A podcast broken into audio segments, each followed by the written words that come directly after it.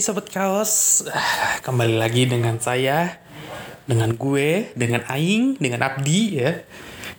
Intinya dengan Mr. D. Ya.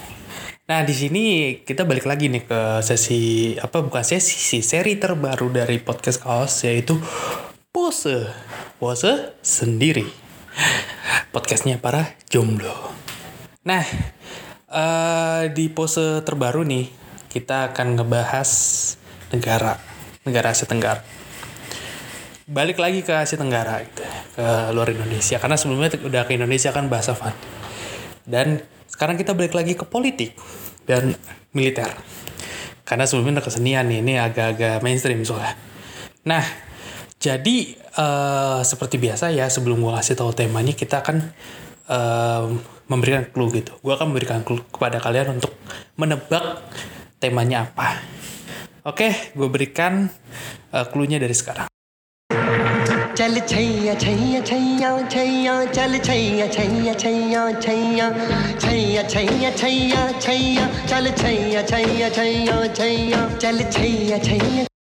okay, Oke, gimana? Kayaknya gampang ya? Ya, mungkin ini clue-nya salah satu yang tergampang karena sebelumnya sebenarnya gampang ya sebelumnya, cuman kalau lu nggak tahu tuh tokoh agak-agak sulit gitu ya. Nah, eh, jadi kita akan ngebahas tentang India karena clue-nya lagu India, tetapi bukan negara Indianya karena aku udah bilang Asia Tenggara. Nah, coba kalian pikir deh negara mana yang eh, kira-kira itu masyarakat India cukup dominan atau enggak setidaknya cukup banyak lah mayoritas karena nggak mungkin Indonesia kan dan juga nggak mungkin Cina pasti di wilayah Asia Tenggara kepulauan. Antara Malaysia atau Singapura. Dua itu kan yang cukup cukup masuk ke dalam etnis terbesar lah. Nah yang akan dibahas di sini adalah pemberontakan India. Ya kan di negara Asia Tenggara. Yang tadi kan dua pilihan ya. Jadi ya udahlah daripada kelamaan basa-basi gue kasih tau aja. Di Singapura. Pada tahun 1915 lagi panas-panasnya apa? The Great War alias perang dunia pertama. Nah kenapa sih ada pemberontakan ketika lagi ada PD1 gitu di seberang Eropa gitu kan? Jauh dari medan perang teater perang. Walaupun di Asia ada juga tetapi kan tidak belum apa namanya tidak separah waktu perang dunia kedua ketika Jepang melakukan invasi ke selatan. Karena waktu itu kan Jepang ada dua pilihan mau ke utara atau mau selatan kan? Ya itu itu, itu urusan nanti gitu.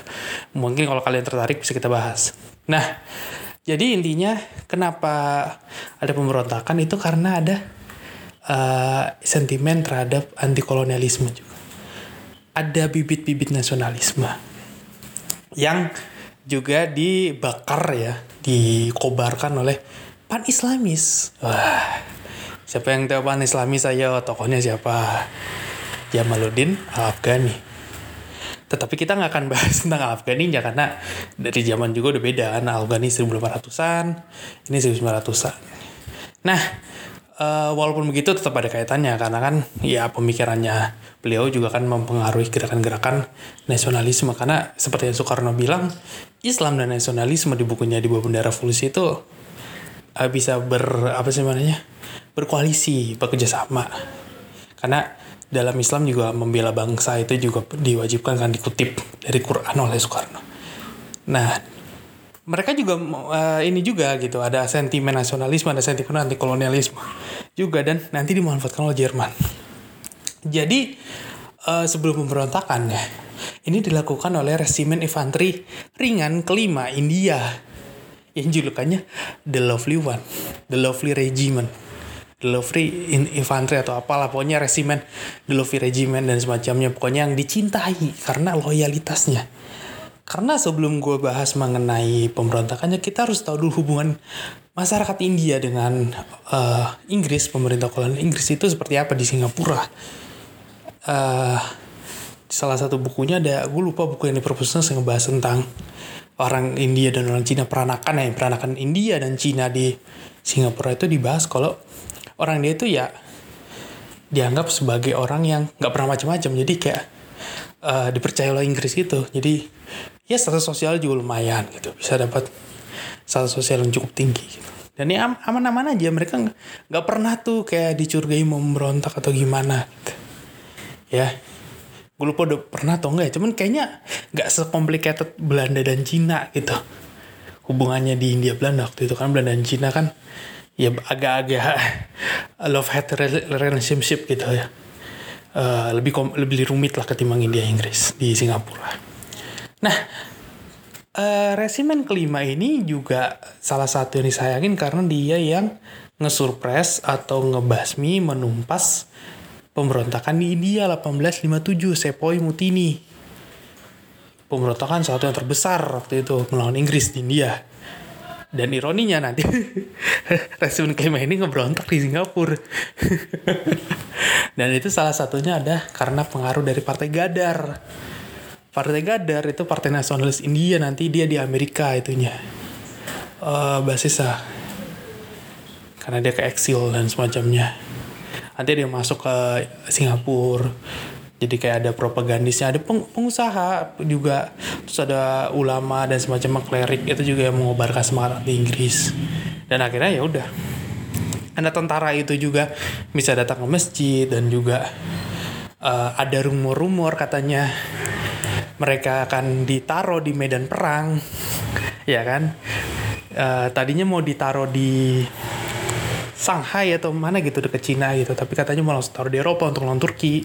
Jadi kayak wah gila aja gue lawan Turki kan propagandanya Gadar gitu kan. Salah satu katanya dibantu oleh Usmani juga kan dan Jerman juga nanti Jerman bahas. Nah Usmani itu dia bilang kalian ini Muslim jangan lawan sama muslim.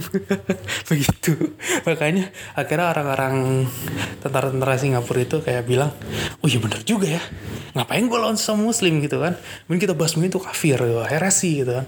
Ya kan heresi apa sih namanya? Infidel. Wah.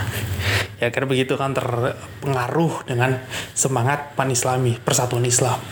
Apalagi nanti Jerman juga dianggap udah masuk ke lingkup Islam. Karena katanya putra mahkot putri atau putra mahkota ya? Eh, pokoknya anaknya dari kaisar putri ya putrinya itu eh, nikah dengan putra mahkotanya Sultan Turki dan Kaisar Wilhelm II jadi Islam. Jadi namanya Wilhelm Muhammad siapa gitu. Nah orang kayak percaya dengan propaganda itu jadi wah Jerman sekutu kita. Kata oh berarti musuh kita Inggris apalagi ada sentimen terhadap waktu itu eh, ada kabar bahwa orang-orang India yang eh, di kapal itu suatu kapal yang berlabuh di Kanada itu sebelum pemberontakan itu katanya karena ada masalah dan semacamnya berlabuh berminggu-minggu akhirnya diceblongin ke laut. Gitu karena dan kebebanan semacamnya. Ini mirip-mirip kayak rumor yang geger pecinan itu loh. Ya begitulah. Nah eh, akumulasi akumulasi dari hal ini akhirnya membuat pemberontakan meletus pada bulan Februari 1919 akhirnya bertepatan dengan tahun baru Cina itu di ada buku sejarah eh, Singapura Tempo dulu. Itu dibahas ada kayak pengakuan dari seorang wanita Cina dia mengatakan saya mendengar ledakan gitu kan. Saya pikir awalnya ya petasan gitu kan karena atau kembang api karena aku kan lagi tahun baru Cina jadi kayak wajar gitu kan kalau misalnya ada kayak macam ledakan bunyi ledakan. Ternyata ada pemberontakan jadi dapat kabar kok ada pemberontakan gitu. Wah, langsung pada berhamburan tuh di rumah sakit dan semacamnya. Banyak yang dibunuhin juga dan semacamnya gitu loh. Jadi cukup agak berdarah juga. Karena resimen kelima itu nanti juga nyerang eh, orang Inggris lah jelas lah kan berontak. Terus yang ngebebasin juga Jerman. Tapi yang dibebasin tentara Jermannya bukan yang ngebantuin malah pada kabur. Ada yang kabur ada yang ke Hindia Belanda ada yang ke bi- bisa balik ke negaranya ada yang ini kapalnya. Kan waktu itu ada kapal Jerman ditangkap tuh di eh, tahan di dekat Singapura akhirnya di internir kan orang Jermannya. Nah mereka yang tertangkap itu ya pada kabur. Gue lupa ada yang ada yang bantuin atau nggak sih? Kayaknya sih nggak ada sih menurut laporan orang Jepang. Karena orang Jepang ada di Singapura juga kan. Dia kayak me- menulis ada tuh di jurnal. Nanti bisa cek eh, eh, bu- baca aja artikel kami di Medium itu ada sumur-sumurnya bisa cek di situ. Eh, dibilang kalau misalnya Jerman ya pada kaget, pada takut dikiranya orang India itu mau bunuh mereka ternyata dikasih senjata dan semacamnya tapi bukannya bantuin malah kabur. Gitu ya kan kesempatan gitu lari lah. Ya, daripada ngebantuin juga belum tentu menang gitu kan. Ya karena akhirnya kalah juga itu. Karena nanti Perancis ya, Rusia bahkan Jepang yang seharusnya jadi harapan baru dari bangsa Asia ini malah ngebantuin kelompok kolonial gitu kolonial barat. Jadi kayak ironi gitu lah. Dan akhirnya pada ditawan pada dieksekusi ada fotonya itu di artikel kami yang medium itu ada arti uh, foto eksekusinya. Terus kayak dibacain nama-namanya. Ada berapa ratus orang yang ikut pemberontakan. Yang uh, nanti satu bulan Maret ya atau apa gitu. Karena cukup lama itu hampir sebulan uh, baru bisa benar-benar dihitung pas. Dan bulan Maret itu pada dieksekusi dan akhirnya selesai. Singapura nggak ada lagi tuh merontakan sampai nanti merdeka nah ini salah satu momen menarik menurut gua. Karena ternyata Jerman itu dan Turki bisa membuat negara yang jauh banget dari tempat mereka, tempat asli mereka dan jauh dari teater perang itu mengalami pergejolakan. Sampai ya orang-orang pada takut gitu. Orang-orang Cina, orang-orang Jepang itu pada takut. Orang-orang Inggris tentu apalagi apalagi karena di Singapura cuma resimen kelima doang tentara yang ada. Karena Inggris tidak percaya dengan kemampuan orang Melayu. Ya tidak tidak apa ya kayak orang mending ngapain sih dia senjata? Mending orang India aja. Karena ya nanti kan India juga banyak kepake kan. Seterusnya bisa perang dunia kedua. Bahkan di Indonesia juga nanti orang India juga masuk kan bahkan tapi nanti India juga ada yang berianak. Jadi membantu orang Indonesia kan? Gue pernah baca di historia kayak wah sesama muslim ngapain gue ngelawan? Gitu. Ada juga yang kayak gitu dan semacamnya. Ya mungkin ini sih yang bisa gue ceritain. Salah satu cerita yang bukan cerita juga sih ya peristiwa sejarah yang cukup anonim. Bukan anonim ya ik incognito atau tidak mainstream gitu atau jarang orang ketahuin gitu. Dan ternyata memiliki signifikasinya cukup besar bagi negara Singapura. Karena hampir itu pemberontakan kalau misalnya Jerman dan Turki lebih serius wah mungkin bisa aja. Itu jadi Asia Tenggara itu bisa berbeda itu. Karena di Hindia Belanda aja ada ketakutan waktu itu pas perang pertama. Harga naik dan semacamnya ada kekhawatiran invasi juga ada nah bagaimana kalau benar-benar Turki Jerman datang? Nasib Hindia Belanda seperti apa gitu kan? Ya. Mungkin itu aja sih yang bisa gue jelasin. Mungkin ini salah satu pose yang tersingkat ya. Karena biar nggak panjang-panjang juga karena gue pikir lu pada bosen juga kalau sendiri. Mending adalah singkat-singkat aja. Oke sampai jumpa lagi di edisi-edisi selanjutnya. Kalau misalnya lu pengen tahu informasi terkini tentang uh, podcast kami bisa uh, pantau aja perkembangannya di Instagram kami podcast kaos. Podcastnya podcastnya bisa podcast P O D C A S T kaos kecil di gas spasi cari aja pokoknya logo, uh, logonya ya logo podcast kami gitu.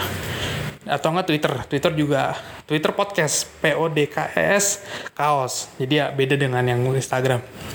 Kami juga punya Twitter biar untuk BCan yang singkat-singkat aja kalau lu males postingan panjang-panjang yang isi captionnya panjang gitu. Dan juga seperti biasa email. Juga bisa podcast kaos gmail.com podcastnya podcast make p o d k e s kaos gmail.com atau enggak isi eval kami bisa cek di link tray kami link tray podcast kaos podcastnya podcast yang biasa nggak PKK dan atau enggak ya komen di medium. Oke okay. uh, mungkin uh, ini aja yang bisa aku sampaikan tambahannya. Uh, sampai jumpa di lain waktu. Ciao